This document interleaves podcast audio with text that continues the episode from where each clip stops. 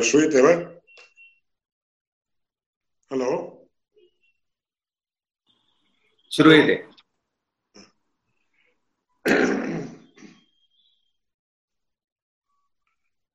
ज्ञानानन्दमयं देवं निर्मलस्फटिकाकृतिम्। आधारं सर्वविद्यानां हयग्रीवमुपास्महे। श्रीहयग्रीवाय नमः। विधाय हृदि विश्वेशं विधाय गुरुवन्दनम् बालानां सुखबोधाय क्रियते तर्कसङ्ग्रहः। तत्र समवायविषये वक्तव्यांशः सङ्क्षेपेण उक्तः। इतः परं तत्र अभावविचारः। को नाम अभावः इति जिज्ञासायां तत्र न भावः अभावः इत्यर्थः लभ्यते। भावः इत्यस्य कोऽर्थः इत्येतत् तत्र यः अस्तित्वेन भासते सः भावः इत्युच्यते।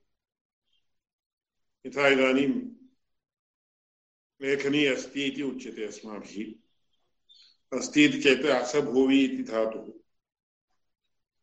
भूसत्तायाम् इति धातुः। सत्ता इति तत्र यत् अस्ति इति भासते तद्विषये प्रयुज्यमानः तत्र अस्तिर्भवन्ति परः इत्यादि उक्तयः अपि वर्तन्ते। एवञ्च इदानीम् अत्र मत्पुरतः तत्र कीलिका अस्ति, लेखनी अस्ति इति, यत् वस्तु वर्तते तद्विषये अस्ति अस्ति इति उच्यते। अतः एते भावपदार्थाः इत्युच्यन्ते। अस्ति इत्यथा उच्यते ततः न इत्यपि, नास्ति इत्यपि किञ्चित् कस्यचित् विषये उच्यते। यथा इदानीम् अत्र मत्पुरतः इदानीं गजः नास्ति इति। तदानीम् अस्माभिः अर्थः ज्ञायते वा न वा चेत् अस्माभिः अर्थः ज्ञायते। किमिति ज्ञातः अर्थः? चेत् गजः नास्ति इति चेत् कोऽर्थः इत्येतत् तत्र अभावः इत्यस्य संस्कृतभाषायां न्यायशास्त्रे नङ्युल्लेख्य प्रतीतिविषयत्वम् इति अभावपदार्थस्य निर्वचनं क्रियते। नङ्य इति चार्गचरमाक्षरं नङ्य इति तादृश नङ् इति सूत्रमपि पाणिनिसूत्रमपि नङ्ये नङ्यैषदकृता षष्ठी इत्यादि तत्र अष्टाध्यायीसूत्रपाठे वर्तते एवञ्च नङ्ये इति शब्देन अथवा नङ्ये इति पदेन तत्र यः अर्थः ज्ञायते तादृश अर्थस्य विषयः यः स एव अभावः इति यथा इदानीं पदार्थः इति शब्दस्य कोऽर्थः अस्माभिः विवृतः पदजन्यप्रतीतिविषयत्वं पदार्थत्वं। लेखनी इति पदश्रवणे काचन प्रतीतिः जायते।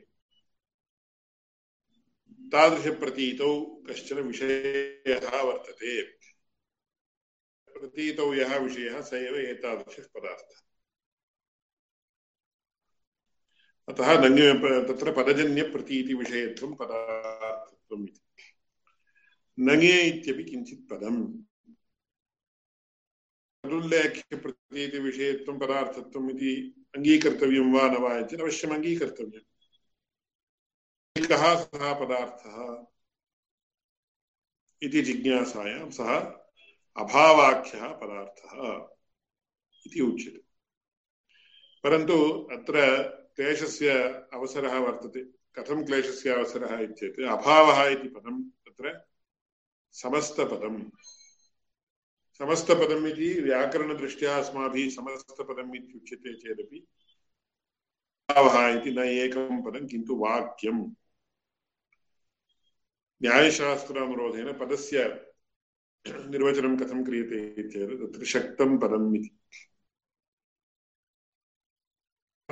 दृष्ट्या तु तत्र सुप्तिङन्तं पदम् इति वैयाकरणानां दृष्ट्या यद्यपि अभावः इति एकं पदं कुतः? सुबन्तं वा तिङन्तं वा?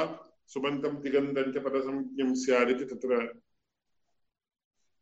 सुप्तिङन्तं पदम् इति वाक्य इति सूत्रस्य वृत्तिः। एवञ्च सुबन्तपदानि, तिङन्तपदानि कति सन्ति? अभावः इत्यत्र इति चेत् एकमेव पदं वर्तते सुबन्तपदम्। अभावः इति सुप्रत्ययान्तम् एकं पदं वर्तते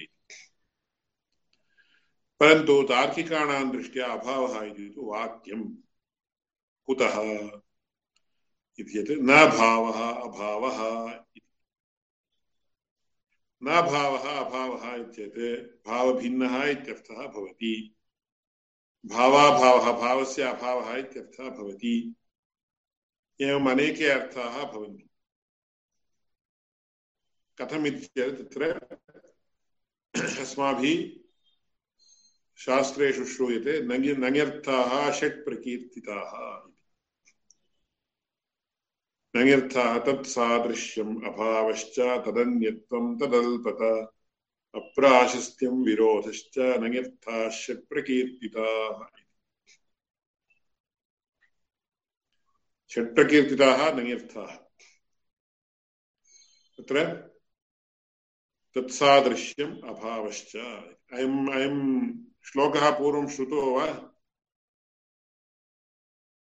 न स्वामि।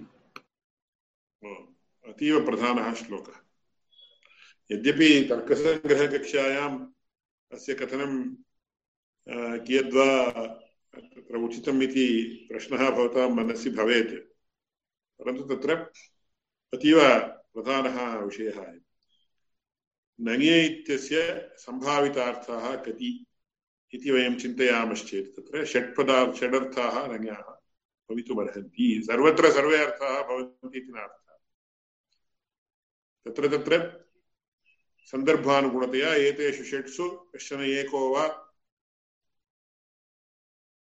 अर्थः अथवा द्वौ वा अर्थौ भवतः। यथा इदानीं तत्सादृश्यम् अभावश्च। तत्सादृश्यम् इति सादृश्यार्थे उपयुज्यते। सादृश्यार्थे कुत्र नङि उपयुज्यते इति चेत् प्रसिद्धम् उदाहरणम् अब्राह्मणमानया अब्राह्मणमानया इत्यस्य कोऽर्थः चेत् अब्राह्मणः इत्येतत् तत्र अब्राह्मणमानया चेत् अस्माभिः किं क्रियते शिला आनीयते वा लेखनी आनीयते वा गौः आनीयते वा अथवा श्वा आनीयते वा इत्येतत् न कोऽपि ब्राह्मणभिन्नः कश्चन मनुष्यः आनीयते। खलु तत्र वर्तते। ए, किमर्थं ब्राह्मणभिन्नत्वं शिलायां नास्ति वा? ब्राह्मणभिन्नत्वं लेखन्यां नास्ति वा? ब्राह्मणभिन्नत्वम् अन्यत्र पशुषु नास्ति वा? किमर्थं ते पदार्थाः अथवा तादृशाः पदार्थाः नानीयन्ते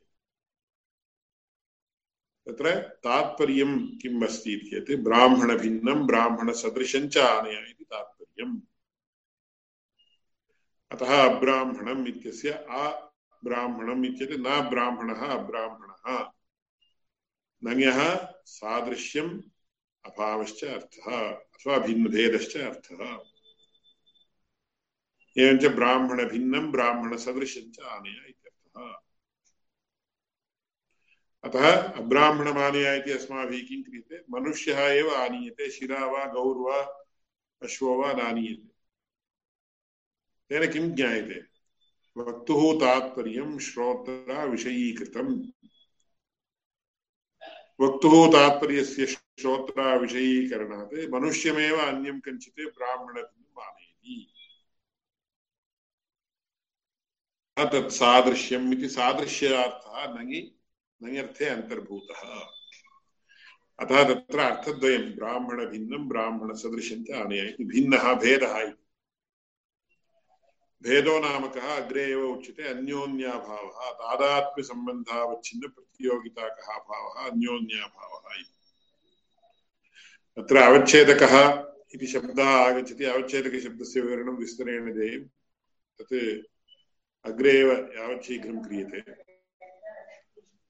सुलभतया ज्ञातव्यं चेत् तत्र देशभाषायां विशिष्य तमिळ्भाषायाम् अल् एवं कर्णाटकभाषायामपि अल्ला इति उल्लेखः क्रियते इल्ला इति उल्लेखः क्रियते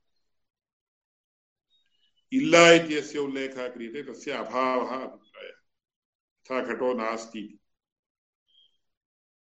ಭೂತಲೆ ಘಟಃ ಭೂತಲದಲ್ಲಿ ಘಟವು ಇಲ್ಲ நிலத்தில் பானை இல்லை अथवा तमिल भाषा एवम् अश्वः न गजः रासभः न अश्वः इति एवं यदा अस्माभिः प्रयोगः क्रियते, तदानीं किं भवति तत्र? सः अन्योन्याभावः इत्युच्यते। तस्यैव भेदः इति नाम। देशभाषायाम् अल्ला इति उच्यते हसु एम् ए अल्ला अपि तत्र मनुष्यन् अथवा तमिळ् भाषायां यानै पूनै अल्ल इति अल्ला इति शब्दस्य क्रिय प्रयोगः क्रियते चेत् देशभाषासु प्रायेण तत्र अन्योन्याभावः घटः न पटः पटः न घटः अस्यैव न्यायशास्त्रीयभाषया विवरणं तादात्म्यसम्बन्धावच्छिन्न अभावः अन्योन्याभावः। इति चेत् भेदः, अन्यत्वम्, अन्योन्याभावः इत्यादिशब्दाः सर्वे पर्यायभूताः प्रकृते अब्राह्मणमानय चेत् ब्राह्मणभिन्नं, ब्राह्मणसदृशं च आनय तत्सादृश्यम् इति सादृश्यम् एको अर्थः। अभावः प्रसिद्धः भूतले घटो नास्ति भूतले घटः नास्ति इति उच्यते चेत् तत्र अभावः अर्थः। अनन्तरं तदन्यत्वं, तत्सादृश्यम् अभावश्च, तदन्यत्वं तदन्यत्वं घटो न पटः, पटो न घटः इत्यादि। अतः तत्र तदन्यत्वम् इति भेदः, अन्योन्याभावः, अन्यत्वं सर्वं पर्यायभूतम्। ततः परं तदल्पता चेत् कोऽर्थः? अतीव अल्पः, अल्पम्, अल्पपरिमाणकं भवति चेत् वस्तु तदानीं नास्ति इति उच्यते। कथमिति चेत् मया असकृते उदाहरणं दीयते। इदानीं शतं जनाः अस्माकं गृहं प्रति भोजनार्थम् आगताः। शतजनार, शतजनानां भोजनम् अस्माभिः समर्पणीयं चेत् तदानीं कति तण्डुलम् आवश्यकं कियत् तण्डुलम् आवश्यकम्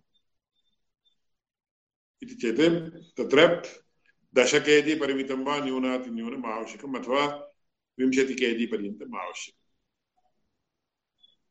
तत्र यजमानः अन्ते अन्तः आगत्य पृच्छति पत्नीं तण्डुलमस्ति वा इति शतजनाः शतं जनाः आगताः तेभ्यः तत्र भोजनं पर्यवेशनीयं परिवेशनीयं तण्डुलमस्ति खलु गृहे।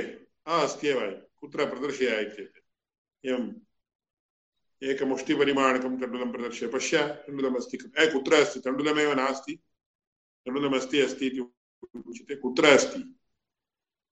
अस्ति भोः, अत्र पश्यन्तु मम मुष्टौ एवम् एतावत् वर्तते खलु। किमर्थं नास्ति? खलु, इदं तण्डुलमेव अन्यद्वा? इति पृच्छामश्चेत् मूर्ख, मूर्खतया भाषणं क्रियते भवता। शतजनानां कृते भोजनं दातव्यं चेत् तत्र एतावत् मुष्टिपरिमितं तण्डुलं कथं वा पर्याप्तं भवेत्। अतः तत्र इति उच्यते। नास्ति इति कोऽर्थः एतादृशप्रकरणेषु तदल्पता। अत्यल्पं वर्तते इत्यस्मिन् अर्थे नास्ति नन्यः प्रयोगः क्रियते। ततः परम् अन्यौ द्वौ अर्थौ अप्राशस्त्यं विरोधश्च। अप्राशस्त्यम् इति वर्तते। अप्राशस्त्यम् इत्येतत् कोऽर्थः इति चेत्। इदानीं सचिन् तेण्डुल्कर् क्रीडति क्रिकेट् क्रीडां मया उच्यते, अहमपि सम्यक् क्रीडामि यदा सचिन् तेण्डुल्कर् राहुल् राहुल् द्रविड् अथवा विराट कोहली इति एतेषां जनानाम् उल्लेखः क्रियमाणः अस्ति इदानीम् अहमपि एकः I am also a cricket player भवान् किं जानाति भवान् न सचिन् तेण्डुल्कर् खलु इति उच्यते किं भवान् सचिन् तेण्डुल्कर् वा न इति उच्यते चेत् अप्राशस्त्यम्। सः अतीव प्रशस्तः क्रीडापटुः। भवान् अतीव प्रशस्तः। मम तस्य च तत्र कदाचित् तोलनमपि कर्तुं शक्यते वा? कुतः अहं बाल्ये गृहे वा तत्र गृहे गृह गृहात् पुरतः विद्यमाने विद्यमानायां वीथ्यां वीथ्यां वा क्रीडितवान् सः सः तु टेस्ट् क्रिकेट् इति अतीव उत्कृष्टतम स्तरे क्रीडितवान् तस्या मम च तत्र तोलनं कर्तुं शक्यते वा सर्वथा न कर्तुं शक्यते अतः अप्राशस्त्यम्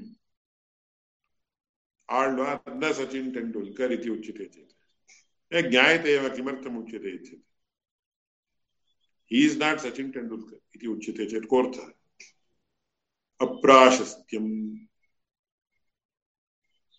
ततः परं षष्ठः अर्थः विरोधश्च इति विरोधः। विरोधो नाम कः? विरोधशब्दस्य कोऽर्थः इति चेत् तत्र असामानाधिकरण्यम्। एकस्मिन् अधिकरणे, एकस्मिन् काले द्वौ अथवा द्वे वस्तुनि न भवतः चेत् तदानीं तयोर्विरोधः। आलोकयोः परस्परं विरोधः। अन्धकारः अस्ति चेत् आलोकः न भवति। आलोकः अस्ति चेत् न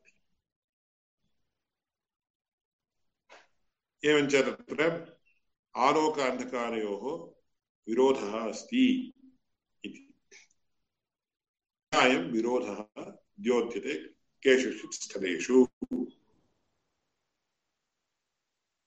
घटत्वपटत्वयोः एकस्मिन् वस्तुनि घटत्वम् अस्ति चेत् तत्र पटत्वं न भवितुमर्हति पटत्वमस्ति चेत् घटत्वं न भवितुमर्हति अतः तत्र तयोर्विरोधः कदाचित् नङे इत्यनेन न इति शब्देन विरोधः अपि अतः रामो न रावणः इति उच्यते चेत्। रामो न रावणः इति इत्यनेन भेदः इत्यपि प्रतीयते। परन्तु सन्दर्भानुरोधेन तत्र रावणः अस्ति खलु, रामः कथं भवितुमर्हति तत्र? रामो न रावणः? चेत् तत्र विरोधः, विरोधाय नाम असामानाधिकरण्यम्। एकाधिकरणवृत्तित्वाभावः, एकस्मिन्नेव अधिकरणे, एकस्मिन् काले तौ द्वौ न भवितुमर्हतः यथा अहिनकुलयोः अहिः नकुलश्च द्वावपि एकस्मिन् काले, एकस्मिन् देशे सह वर्तितुं शक्नुतः वा इत्येतत् न शक्नुतः। अतः तयोर्विरोधः इति उच्यते। विरोधः असामानाधिकरण्यम् इति। तत्र, परन्तु तत्र प्रश्नाः भवितुमर्हन्ति। विरोधः इत्यस्य विरुद्धार्थपदं किम् तत्र ऐक्यम् इति तत्र प्रश्नः क्रियते रामसुग्रीवयोरैक्यं देव्येवं समजायत इति रामायणे आगच्छति खलु कथमागच्छति रामसुग्रीवयोरैक्यम् इत्येतत् एकीभावः कथं जातः रामः राम एव सुग्रीवः सुग्रीव एव खलु कथम् जातम् इत्येतत् अभिप्रायैक्यम् इति व्याख्यासु विवृण्वन्ति अतः तत्र रामसुग्रीवयोरैक्यं देव्ये एवं समजायत इति आञ्जनेयः सीतां प्रति वदति सुन्दरकाण्डे। सर्वम् इतिवृत्तं वर्णयित्वा। तदानीं तत्र रामसुग्रीवयोरैक्यम् इत्येतत् ऐक्यं नाम अभिप्रायैक्यम् इत्यर्थः इति व्याख्या एवञ्च नङ्यर्थाः षट् प्रकीर्तिताः इति मीमांसाशास्त्रे स्पष्टतः उच्यते। मीमांसाशास्त्रे विवरणं दीयते इति कथनमात्रात् न्यायशास्त्रस्य इदं न सम्मतम् इति न भावनीयम् अथवा एतानि एतादृशाः नियमाः तत्र सर्वेष्वपि शास्त्रेषु अन्वयं प्राप्नुवन्ति। अतः तत्र सर्वशास्त्रसाधारणाः एते नियमाः। यथा नित्यस्य स्वरूपयोग्यस्य रूपयोग्यत्वे फलावश्यं भावनियमः। एवं रीत्या बहवो नियमाः सर्वशास्त्र अन्वयवन्तः वर्तन्ते। अतः नयर्ताशक्तिकेतिकाः इति सर्वेषामपि शास्त्राणां सम्मतम्। कुत्र कथम् इत्यादि विचारास्तु तत्र, तत्तत् स्थलानुरोधेन अस्माभिः तत्र योजनीयम्। एवञ्च प्रकृते नङिन् अभावो नाम नङुल्लेख्य प्रतीतिविषयत्वं नङे इति शब्देन उल्लिख्यमानः यः इति शब्देन उल्लिख्यमाना या प्रतीतिः तादृशप्रतीतेः यः विषयः सः अभावः इति तत्र न्यायशास्त्रानुरोधेन अभावपदार्थस्य निर्वचनम् परन्तु अभावः इति पदं पदं स्वीक्रियते चेत् तत्र न तत् एकं पदं किन्तु वाक्यं न भावः अभावः इति तत्र अर्थः भवति। इति आगतं, तत्र नगर्थाः इति बहवः अर्थाः जायन्ते तत्र। परन्तु तत्र अस्माभिः नियमः, न्यायशास्त्रे नियमः एवं कृतः तत्र अभावः इति नङ्गुल्लेख्य प्रतीतिविषयत्वं तावन्मात्रं स्वीकृत्य तत्र सोऽपि पदार्थः, यथा द्रव्यं, गुणः कर्म इत्यादिभिः अतः तेषां पदार्थत्वम् अभावस्यापि पदार्थत्वम् अङ्गीक्रियते तत्र यदा न्यायशास्त्रस्य अथवा तर्कशास्त्रस्य इतिहासं वयं पश्यामः, ततः एतेषां पदार्थानाम् उद्देशः, विभागः इत्यादिकं साक्षात् वैशेषिकसूत्रप्रणेत्र कणादमहर्षिणा कृतं मया पूर्वमेव उक्तं, धर धर, धर्मविशेषप्रसूतात्, द्रव्य गुणकर्म सामान्यविशेषसमवायानाम् तावदेव वर्तते अभावस्य तत्र गणना नास्ति। गुण सामान्य पदार्थानां साधर्म्य वैधर्म्याभ्यां तत्त्वज्ञानात् निःश्रेयसम् इति वर्तते। तथा वैशेषिकसूत्रे अभावपदार्थः न गणितः। परन्तु अग्रे अभावपदार्थस्य विवरणं वर्तते। अतः अभावपदार्थ अङ्गीकर्तारः किं कुर्वन्ति? अभावपदार्थस्य वैशेषिकसूत्रेषु विवृतत्वात्। सूत्रकारस्यापि अभावः पृथक् पदार्थः इति सम्मतः इति वदन्ति। परन्तु प्राचीनाः किं वदन्ति इति चेत्, यदि पदार्थ अभावः पदार्थः स्यात्, तर्हि पदार्थ उद्देशावसरे वक्तव्यः आसीत्। नोक्तः परन्तु विवरणं दृश्यते खलु चेत् विवरणं कुत्र अस्ति इति चेत् तत्र प्रथमं द्रव्यविवरणम्, अनन्तरं गुणविवरणम्, अनन्तरं कर्मविवरणम् इति एवं क्रमप्राप्ततया विवरणं यत्र दृश्यते तत्र समवायपदार्थानन्तरम् अभावपदार्थस्य विवरणं नास्ति, मध्ये कुत्रचित् वर्तते। अभावः इति तादृश अभावपदार्थेन बोध्यमानः विषये एव नास्ति इति न। सः पृथक् पदार्थः इति अङ्गीकर्तव्यं वा न वा इत्यत्रैव चर्चा। अभावः इति शब्देन कोऽपि अर्थः ज्ञायते घटाभावः चेत् घटो नास्ति इति अर्थः ज्ञायते तस्य पृथक् पदार्थत्वं ऋषिणः ऋषीणां सम्मतं वा अथवा कणादमहर्षेः सम्मतं वा इत्येव चर्चा इति। तद्विषये बहु इतोपि वक्तव्यमस्ति। सविचारः इदानीं मास्तु।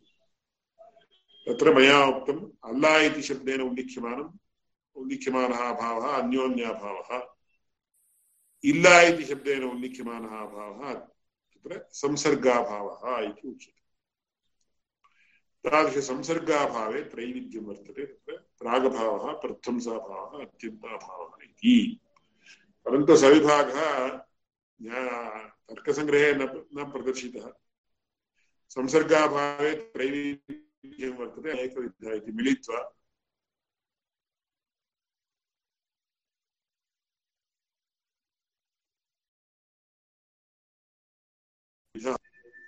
चातुर्विध्यस्य प्रदर्शितत्वात् तत्र प्रथमं प्रागभावः, ततः परं प्रध्वंसाभावः अनन्तरम् अत्यन्ताभावः अन्योन्याभावश्चेति प्रागभावः प्रध्वंसाभावो अत्यन्ताभावो अन्योन्याभावश्चेति इति तत्र उद्देशग्रन्थे प्रथमम् आगतम् तत्र प्रागभावो नाम कः इत्येतत् अनादिः सान्तः प्रागभावः, उत्पत्तेः पूर्वं कार्यस्य। प्रागभावः इत्येतत् प्राक् विद्यमानः अभावः, प्रागभावः। कस्मात् प्राक् अथवा कस्य प्राक् इति चेत् यथा इदानीम् अत्र इदम् इयं लेखनी वर्तते। ये अस्याः लेखन्याः उत्पत्तिः कदा जाता? इति वयम् अन्विष्यामः चेत् तत्र कस्मिंश्चित् दिने इति चिन्त्यतां तत्र एतादृश फेक्टरी मध्ये, एतादृश बेच् मध्ये, एतादृश प्रोसेस् मध्ये जातम् इति किमपि बेच् नम्बर् इत्यादिकम् उल्लिख्यते इत्येतत् two thousand sixteen April twenty fifth इति स्वीक्रियतां किञ्चित्। यस्मिन् क्षणे अस्याः लेखन्याः उत्पत्तिः जाता। तत्क्षणात् पूर्वतनक्षणपर्यन्तम् अस्याः लेखन्याः प्रागभावः आसीत्। यस्मिन् क्षणे इयं लेखनी उत्पन्ना, तत्क्षणे एतल्लेखनी प्रागभावः नष्टः इति उच्यते। अतः कार्यस्य उत्पत्तेः प्राक्, प्राक्तनक्षणपर्यन्तं तादृशकार्यस्य प्रागभावः आसीत् इति उच्यते। एवञ्च तत्र अत एव कदा आरभ्य आसीत् अयं प्रागभावः चेत् अनादिः, तस्य आदिर्नास्ति। अतः अनादिः सान्तः प्रागभावः आदिर्नास्ति चेत् सृष्टेरारभ्य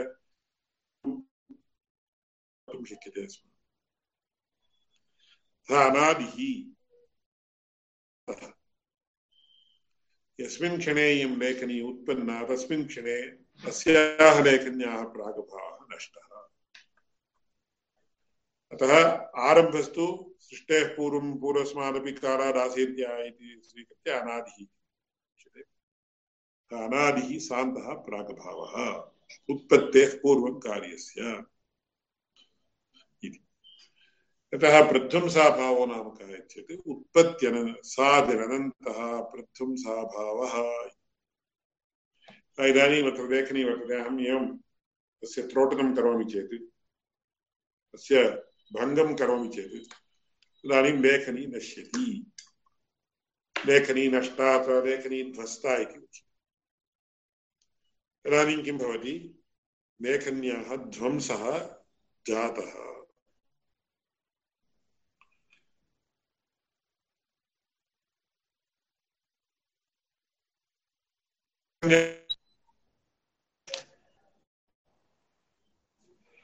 लेखन्याः ध्वंसः जातः चेत् कोऽर्थः इत्युच्यते लेखनी आसीत्, यस्मिन् क्षणे इयं लेखनी ध्वस्ता। त्रोटनेन वा अन्येन केनचित् तदानीं लेखनी ध्वस्ता इति उच्यते तत्क्षणमारभ्य लेखन्याः प्रध्वंसाभावः जातः इति उच्यते कियत्पर्यन्तम् एतादृशलेखनी ध्वंसः तिष्ठति चेत् सादिः अनन्तः प्रध्वंसाभावः कियत्पर्यन्तम् चेत् अनन्तकालपर्यन्तम् अस्याः लेखन्याः प्रध्वंसाभावः तिष्ठति। अतः सादिः अनन्तः प्रध्वंसाभावः इति। उत्प वास्तवतया उत्पत्त्यनन्तरं कार्यस्य इति वर्तते। अत्र दोषः अस्ति इति विमर्शकानाम् अभिप्रायः। उत्पत्त्यनन्तरम् इति न तत्र ध्वंसानन्तरं कार्यस्य इति वक्तव्यमासीत्। परन्तु उत्पत्त्यनन्तरम् उत्पत्तेः पूर्वं प्रागभावः उत्पत्तेः पूर्वं वर्तते, प्रध्वंसाभावः उत्पत्त्यनन्तरं वर्तते। इति एवं खलु प्रायेण अस्माभिः तत्र सहजतया उच्यते, तद्वत् ग्रन्थकर्त्रा उक्तम् इति मन्तव्यम्। वास्तवतया कार्यस्य उत्पत्त्यनन्तरं प्रध्वंसाभावः न भवति। उत्पत्त्यनन्तरमेव भवति, परन्तु उत्पत्तिसमनन्तरमेव न भवति। उत्पत्तेः अनन्तरम् इदानीम् इतोपि पञ्चशतवर्षपर्यन्तं स्थातुम् अर्हति इयं लेखनी पञ्चशतवर्षानन्तरं ध्वंसमाप्नोति चेत् मध्ये पञ्चशतवर्षपर्यन्तं लेखन्याः तत्र प्रशंसाभावः नासीदेव उत्पत्त्यनन्तरं कार्यस्य इति कथं वक्तुं शक्यते? इति प्रश्नः भवेत्। तत्र सहजभाषया यदा उच्यते भोः प्राक्भावः भवति, प्रध्वंसाभावः उत्पत्त्यनन्तरं भवति। इति एवं रीत्या उच्यते, खलु? तद्दृष्ट्या उक्तम् इति अस्माभिः भावनीयम्। वास्तवतया तत्र कार्यस्य भङ्गानन्तरं ध्वंसानन्तरं प्रध्वंसाभावः इति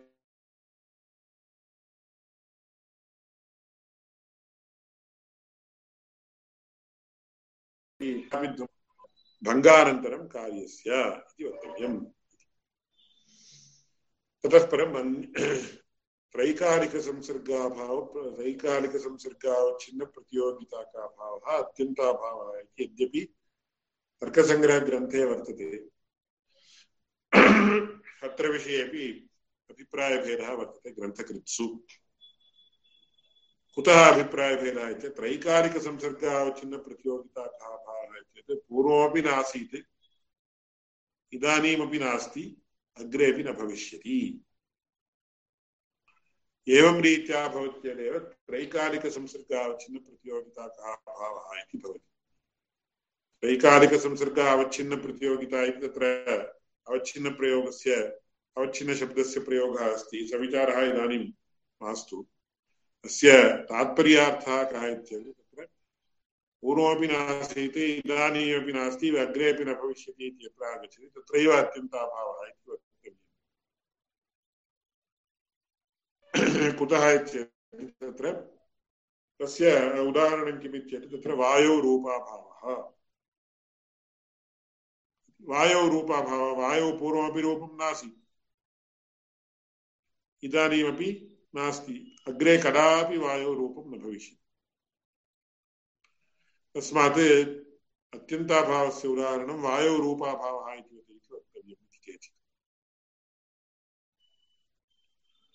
अतः तत्र अत्यन्ताभावः इति यद्यपि तत्र परन्तु उदाहरणं किं दत्तम् इत्युक्ते भूतले घटो नास्ति इति अत्र भूतले घटो नास्ति इति भूतले घटो नास्ति चेत् अत्यन्ताभावः इति एवं चेत् कश्चित् घटम् आनीय तत्र स्थापयति चेत् भूतले तदानीम् अत्यन्ताभावः नष्टः चेत् तदानीं तत्र कथं वक्तव्यं वैकारिकसंसर्गाचरप्रतियोगिता का अभावः न अभूत् किल सः इति प्रश्नः आगच्छेत्। तस्य विषये निष्कर्षः वक्तव्यः। मुक्तावलीपाठनावसरे तं निष्कर्षम् अहं प्रदर्शयिष्यामि। इदानीं तथा स्थापितं भूतले घटो नास्ति इति उच्यते चेत् तदानीम् अत्यन्ताभावः इति। परन्तु वायोरूपाभावः एव खलु अत्यन्ताभावः इति प्रश्नः क्रियते चेत् सोऽपि अत्यन्ताभावः एव परन्तु प्रकृते अस्माभिः व्यवहारे भूतले घटो नास्ति इत्यादिकम् अत्यन्ताभावस्य उदाहरणम् इति तावत् मनसि स्थाप्यते। तदुपरि तादात्म्यसम्बन्धावच्छिन्नप्रतियोगिता कः भावः अन्योन्याभावः यथा घटः पटो न भवतीति। अत्र तादात्म्यसम्बन्धो नाम कः? तादात्म्यम् इत्यस्य कोऽर्थः? इत्यादि विचाराः अग्रे उच्यन्ते मया। तादात्म्यं नाम अभेदः इति अभेदसम्बन्धः इत्येतत् अभेदः सम्बन्धः कथं भवितुमर्हति इत्यपि चर्चा मनसि भवतां स्यात्। बहवो विचाराः वर्तन्ते। इदानीं तेषु विषय विचारेषु प्रवृत्तिः मा भवतु। कुतः चेत् तस्य अतीव उच्यते खलु तथा अस्ति। इदानीम् एतावत् एतावन्मात्रं ज्ञास्यामः यत् तत्र घटः पटो न भवति चेत् अन्योन्यभावः अल्ला इति। तमिळ् भाषायां वा कर्णाटकभाषायां वा, अल्ला अल्ला इति उच्यते चेत् अन्योन्यभावः अल्ला इति तत्र देवः स एव अल्ला। सः न अत्र विवक्षितः, किन्तु अल्ला इत्येतत् यानै पूने अल्ला अल्ल इति तमिळ् भाषायाम् उच्यते बेक्कु आने अल्ला इति संस्कृतकर्णाटकभाषायाम् उच्यते अन्योन्यभावस्य इदमुदाहरणम् घटः पटो न भवति घटः पटभिन्नः इत्यादिशयः उच्यते स एव तत्र विवक्षितः इति अन्योन्याभावस्य स्वरूपम् इति यथा घटस्पटो न भवति इति अभावपदार्थस्य विवरणं कृतं ततः परम् उपसंहारवाक्यं सम्यक् अतीव सङ्ग्रहेण, अतीव समीचीनतया च उक्तं सर्वेषामपि पदार्थानाम् उक्तेष्वेवान्तर्भावात् सप्तैव पदार्था इति सिद्धम् इति। अस्य विषये अपि बहु बहु बहु वक्तव्यमस्ति। सर्वेषामपि पदार्थानाम् लोके यः कोऽपि पदार्थः भवतु सः एतेषु सप्तसु अन्तर्भवति इति एकः। इति साधारणतया सर्वेषामपि पदार्थानां यथा यथम् उक्तेष्वेव अन्तर्भावः। लोके भवद्भिः यः यस्य कस्यापि पदार्थस्य चिन्तनं क्रियते, सः कथञ्चित् एतेषु सप्तसु अन्तर्भवत्येव। इति मयापि बहु बहु आलोचितम् अस्य विषये। एतेषु सप्तसु पदार्थेषु अन्तर्भावम् अप्राप्यमाणः न कोऽपि पदार्थः। परन्तु अग्रे, अग्रिमग्रन्थेषु आक्षेपादिकं वर्तते, शक्तिः इति अतिरिक्तः पदार्थः वर्तते, सादृश्यम् इति अतिरिक्तः पदार्थः वर्तते इत्यादि। तेषां सर्वेषामपि उत्तरमपि स्पष्टतः दीयते। परन्तु वेदान्तिनां दृष्ट्या शक्तिः अतिरिक्तः पदार्थः एतेषां दृष्ट्या तथा तथा इत्यादि चर्चाः वर्तन्ते एव। परन्तु तत्र ऋजुतया आलोच्यमानं, शक्तिः अतिरिक्तः पदार्थः इति किमर्थम् आवश्यकम् इत्येतत् तत् तत्र उद्देशान्तरेण तैः पदा पृथक् पदार्थः इति। एवं पदार्थविभागे एव अन्यान्य दार्शनिकैः अन्यान्यरीत्या कृतमित्यपि अस्माभिः दृश्यते। यथा विशिष्टाद्वैतवेदान्ते तत्र द्रव्यम् अद्रव्यम् इति पदार्थं द्विविधम्। द्रव्यं षड्विधम् अद्रव्यं दशविधम् इत्येवं रीत्या पदार्थविभागः अस्मदाचार्यैः उच्यते स्म।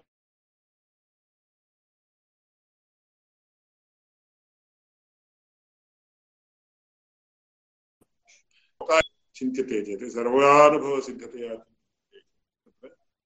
एते षट्पदार्थाः अभावम् अन्तर्भाव्य सप्तपदार्थाः इति अतीव प्रामाणिकम्।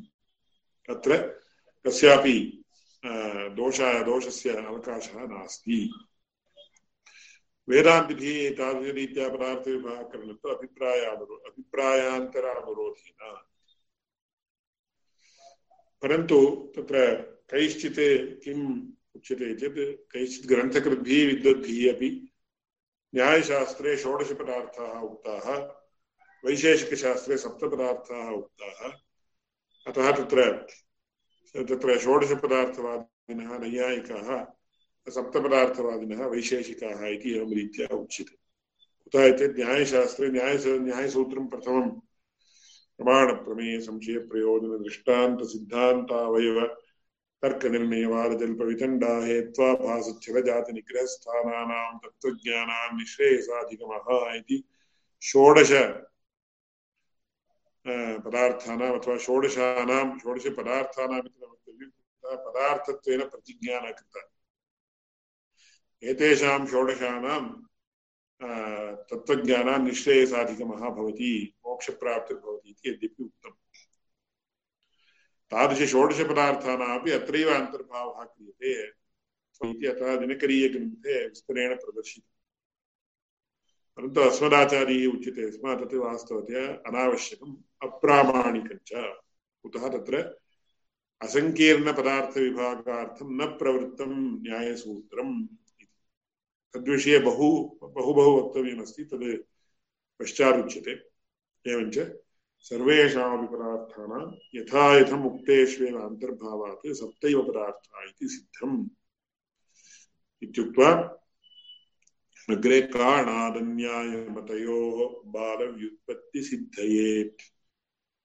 अन्नं भट्टेन विदुषा रचितस्तर्कसङ्ग्रहः।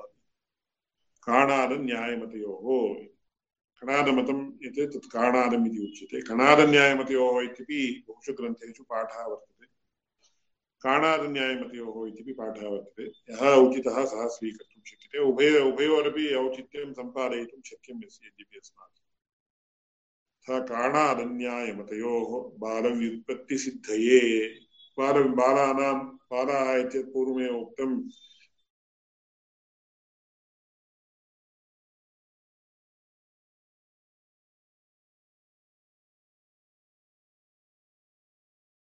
स्तनन्धयः बालः निमानाधीति न्यायशास्त्रः तादृश बालानां बालव्युत्पत्तिसिद्धये अन्नं भट्टेन विदुषा रचितस्तर्कसङ्ग्रहः इति तत्र विदुषा अन्नं भट्टेन इति तत्रापि विनोदः क्रियते। विदुषा अन्नं भट्टेन, विदुषा अन्नं भट्टेन इति तत्र तेन विदुषा इति शब्दः योजनीयः इति अन्नं भट्टेन कथं छन्दः न लगति खलु कथं योजनीयम् इति बहु आलोचनीय, आलोच्यमानम् आसीत्। तदानीं तस्य पुत्री आगता, किमर्थं हे पितः? किमर्थं भवता एतावत् आलोचनं क्रियते इति पृष्टम्? इदानीं विदुषा अन्नं भट्टेन इति योजनीयं, छन्दः न लगति खलु, किं कर्तव्यम् इति अतीव आलोचना वर्तते मनसि इति। तदानीं तया उक्तमिति सर्वं विनोदावहम्, अन्नं भट्टः महाविद्वान्, कविरपि, तत्काले विद्वांसः कवयः अपि भवेयुः। तदानीं तया उक्तं विदुषा अन्नं भट्टेन इति, अन्नं भट्टेन विदुषा इति योग्यतां किमर्थं समीचीनम् आगच्छति खलु इति। तदानीम् ओ, बहु समीचीनम् इति अतीव सन्तोषः प्रकटितः तेन। अन्नं भट्टेन विदुषा रचितस्तर्कसङ्ग्रहः इति तत्र कृत्वा उपसंहारः कृतः। इति काणादन्यायमतयोद्बालव्युत्पत्तिसिद्धये अन्नं भट्टेन विदुषा रचितस्तर्कसङ्ग्रहः इति। तर्कसङ्ग्रहग्रन्थः समाप्तः, भगवतः कृपया करुणया असीमकरुणया इत्यपि वक्तव्यम्। एकः ग्रन्थः यः प्रारब्धः सः समाप्तिं गतः। तत्र एतादृशवर्णनावसरे विषयाणां ज्ञापनावसरे कोऽपि दोषः स्यात् चेत् क्षन्तव्यः। अग्रे दीपिकायाः न्यायबोधिन्याश्च पाठः प्रचलति। प्रश्नाः सन्ति चेत् शीघ्रं प्रष्टुं शक्यते। अत्र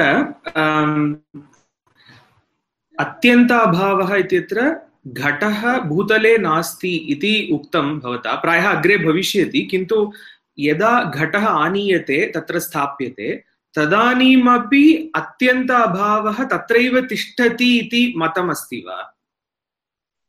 तदेव तत्र, तद्विषये बहु वक्तव्यमस्ति अत एव मया न उक्तं तत्र घट मुक्तावल्याम् एवं स्पष्टतया प्रश्नः वर्तते। यत्र भूतले घटादिकम् आनीतं पुनः अपसारितं च। आनीयते, पुनः अपसार्यते। तदानीम् अत्यन्ताभावः नष्टः अथवा अत्यन्ताभावः नासीत् आगतम् इत्यादि प्रश्नाः भवन्ति। अतः उत्पादविनाशशाली चतुर्थोऽयमभावः इति केचित् इति सामयिकाभावः इति कश्चन अभावः अङ्गीकर्तव्यः इति केचित् वदन्ति। इति तत्र चर्चा वर्तते। तस्य विषये इतोपि बहु वक्तव्यमस्ति अतः मया न उक्तं तत्र कथं तत्र प्राचीनमत मतस्य नवीनमतस्य च अस्ति भेदः। एवं तत्र इतोपि अतीव प्रधानः विषयः ध्वंसप्राग्भावादिकरणे नात्यन्ताभावः इति प्राचार्मतम् इति वर्तते। ध्वंसप्राग्भावो यत्र स्तः तत्र अत्यन्ताभावः अस्ति न वा इति विषये बहु चर्चा वर्तते। अतः सविचारः अग्रे एव उच्यते। अत्र सम्यक् श्रूयते खलु कोऽपि क्लेशः नास्ति खलु? प्रायः सम्यक् श्रूयते किन्तु मध्ये द्वित्रिवारं स्थगनं जातम्। काल् आगतं तस्मात् क्लेशः आसीत् मया झटिति तस्य रिजेक्ट् कृतं काल्। तत्र मध्ये तद् अस्माकम् अस्माकं अस्माकं कण्ट्रोल् मध्ये अस्माकं वशे नास्ति अन्ये काल् कुर्वन्ति कुर्वन्ति। तदानीं मध्ये क्लेशः भवति परन्तु एवमेव अनुवर्तयामः इति मम अभिप्रायः वर्तते। अन्यथा सामान्यतया वाणी तु निश्चयेन सम्यक् श्रूयते। समीचीनं तर्हि समीचीनं। तर्हि अग्रिमकक्षा श्वः एतादृशसमये एव भविष्यति। तर्हि नूतनं वा? इत्युक्ते दीपिका न्यायबोधिनी न्यायबोधिनी दीपिकायाः प्रारम्भः भवति श्वः। तस्मात् पूर्वमेव अवच्छेद अवच्छिन्न इत्यादि विवरणं दीयते वा भवता? उत न तत्र मध्ये यत्र आगच्छति तत्र दीयते। अस्तु। विधाय हृदि विश्वेशं विधाय गुरुवन्दनं बालानां सुखबोधाय क्रियते तर्कसङ्ग्रहः ज्ञानानन्दमयं देवं निर्मलस्फटिकाकृतिम् आधारं सर्वविद्यानां हयग्रीवमुपास्महे श्रीहयग्रीवाय नमः।